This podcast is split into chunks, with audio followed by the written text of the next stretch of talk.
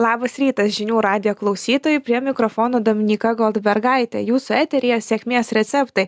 Kalbame apie tai, kokių veiksmų imasi Lietuvos įmonės stipriai išaugus energijos išteklių kainoms, kaip pradėjo, o gal ir iki šiol taupė energetinius, žmogiškuosius, finansinius ar kitokius išteklius ir kaip padeda tai daryti savo klientams. Apie energetinių išteklių tausojimą šiandien ir kalbame su Mars Lietuva darbų saugos ir aplinkos saugos vadovu Artūru Janučiu. Labadiena. Labadiena. Esate įmonė užsimanti maisto augintiniams prekybą, per metus pagaminate ir eksportuojate daugiau nei 100 tūkstantį, tūkstančių tonų produkcijos.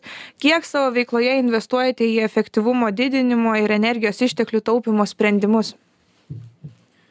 Taip, tai norėčiau pradėti nuo to, kad e, Mars Lietuva nuolatos investuoja į efektyvumo didinimo išteklių taupimo sprendimus ir mm, jeigu kalbėti istoriškai, tai kompanija jau uh, bemaž dešimt metų yra toje programoje ir, ir investuoja į būtent į, į šilumos energijos e, išteklių tausojimą ir efektyvų naudojimą bei, bei e, elektros ir vandens. Ir, ir Mars korporacija būtent yra sukūrusi programą vadinamą Sustainable Engineering, kurioje būtent siekiama tų efektyvių tikslų ir pirminis tas tikslas yra e, sumažinti kiek įmanoma CO2 pėtsaką, bet kaip šalutinis ir teigiamas poveikis e, šių dienų aktualijomis yra ir, ir, ir e, būtent dujų kaina ir būtent tas,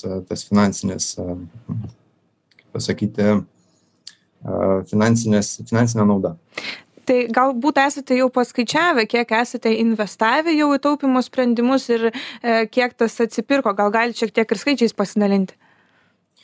Tai per sakykim paskutinius e, keturis metus esame investavę per keturis šimtus penkiasdešim tūkstančių eurų į įvairias e, šiluminės energijos išteklių efektyvinimo ir naudojimo sistemas ir ir paskaičiavus būtent pagal pagal tuos metus kiek jau sutaupėme energijos tai susidarytų apie apie šeši šimtai keturiasdešim tūkstančių eurų e, tos jau sutaupymo naudos Tai iš esmės jau, jau sutaupėte tiek, kad atsipirktų tie, e, tos investicijos, ar ne?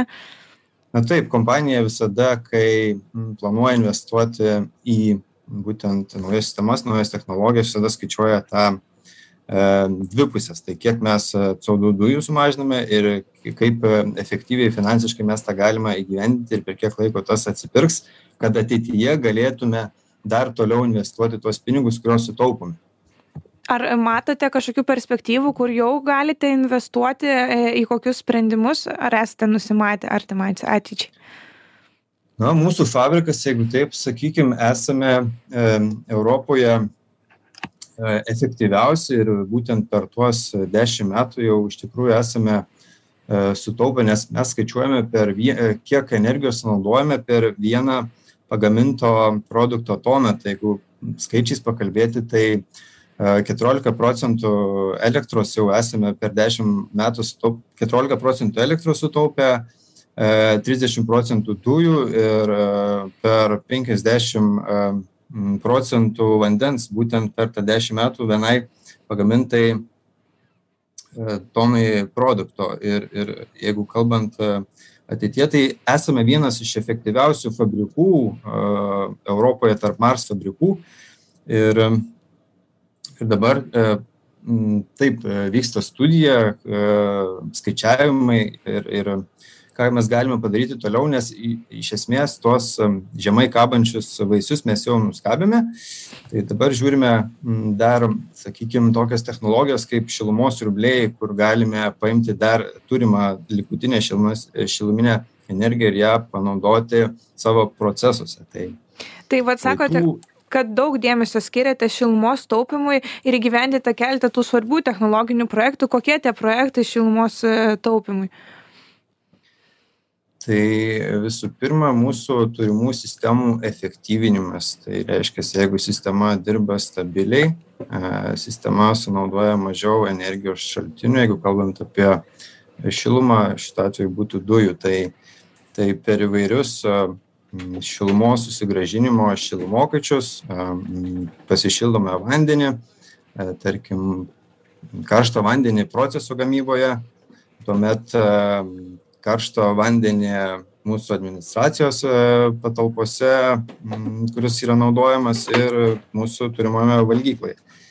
Tai to, to pačiu ir, ir, ir, ir sakykim šildomės iš esmės e, nemokamai jeigu lauke temperatūra nenukrenta žemiau septynių laipsnių tai kadangi procesas yra naudojami mm, įranga kuri iš savęs dirbdama gamina tą šilumą tai mes tą šilumą pasiimame ir panaudojame dar kartą. Tai aš kaip tik ir norėjau paklausti likutinis energijos panaudojimas kas tai yra kaip toks procesas vyksta ir kur tuos likučius energijos galima panaudoti? E, tai procese taip jeigu taip šiek tiek detaliau eiti į patį jau gamybinį procesą tai aišku pas mus įrenginiai įrenginiai naudoja suspaustą orą kaip pavyzdys ir ir kompresoriai dirba jie su sukuria šiluminę energiją. Kadangi juos reikia vėsinti naudojamas vanduo vanduo nuo kompresorių sušyla o mes tada tą šiltą vandenį ir panaudojam savo garo gamyboje karšto vandens gamyboje ir patalpų šildyme taip pat galėčiau paminėti ir kitą proceso dalį tai jau mūsų pačio produkto gamybos dalį tai yra sterilizatoriai liaudyje vadinami autoklavai kurie taip pat e, procese yra e, šildomi garu bet vėliau yra aušinami vandeniu. Tas vėl aušinimo proceso metu vanduo įkaista mes tą šiltą vandenį ir panaudojam savo šildymui savo karšto vandens ruošimui. Ir taip tą vadinamą likutinę energiją susigrąžiname vietoj to kad būtų tas vanduo sakykim aušinamas aušyklėmis kažkur ir išmetama šiluma į atmosferą Tai jūs e, savo gamybinėse ir administracinėse patalpose esate jau įsirengę ir LED apšvietimą, montuojate judesio daviklius, na, kad sistema galėtų automatiškai užgesinti šviesas patalpose, jei, kai juose nėra žmonių. Mm, taip pat naudojate žalę elektrą, e, taikote aukštus reikalavimus ir įsigijamoms įrangoms energetinio efektyvumo klasiai.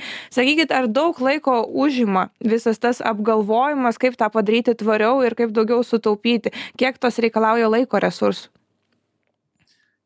E, laiko prasme būtų sunku gan įvertinti, bet e, jeigu žiūrint, kaip mūsų, nuo ko pradedami mūsų vystyti mūsų projektai, tai visa inžinierių komanda jau žino, kad e, pirmieji žingsniai, nuo ko reikia pradėti, tai aišku, įsivertinti tos, tos tvarios plėtros aspektus yra sudaryti tam tikri klausimynai pagal kuriuos inžinieriai įsivertina kiek efektyviai galima tą padaryti kokią įrangą pirkti kokius sakykim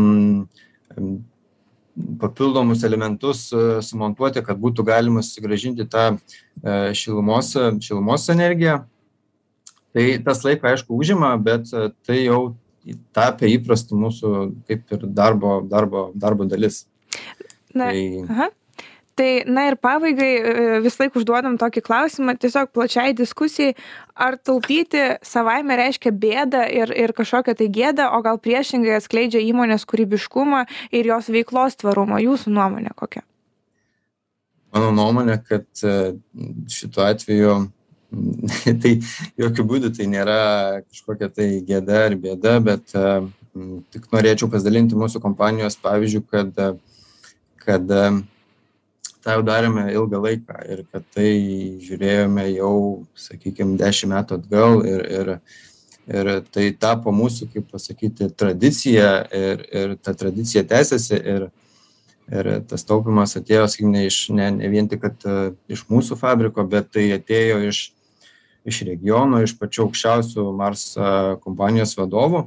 Ir tas požiūris, kad uh, reikia atsakingai žiūrėti turėti atsakingą požiūrį į į energijos šaltinių tausojimą vartojimą efektyvų. Jisai yra pas mus nuolatos skiepijamas. Tai manau kad tai yra tai kelia kūrybiškumą ieškoti vis naujų sprendimų technologijų kaip galima visą tą daryti efektyviau geriau kad mūsų pasauliui būtų daromas ko, ko daroma kuo mažesnė žala ačiū jums labai už pasidalijimus. Žinių radijo eteryje buvo mars lietuva darbų saugos ir aplinkosaugos vadovas artūras janutis.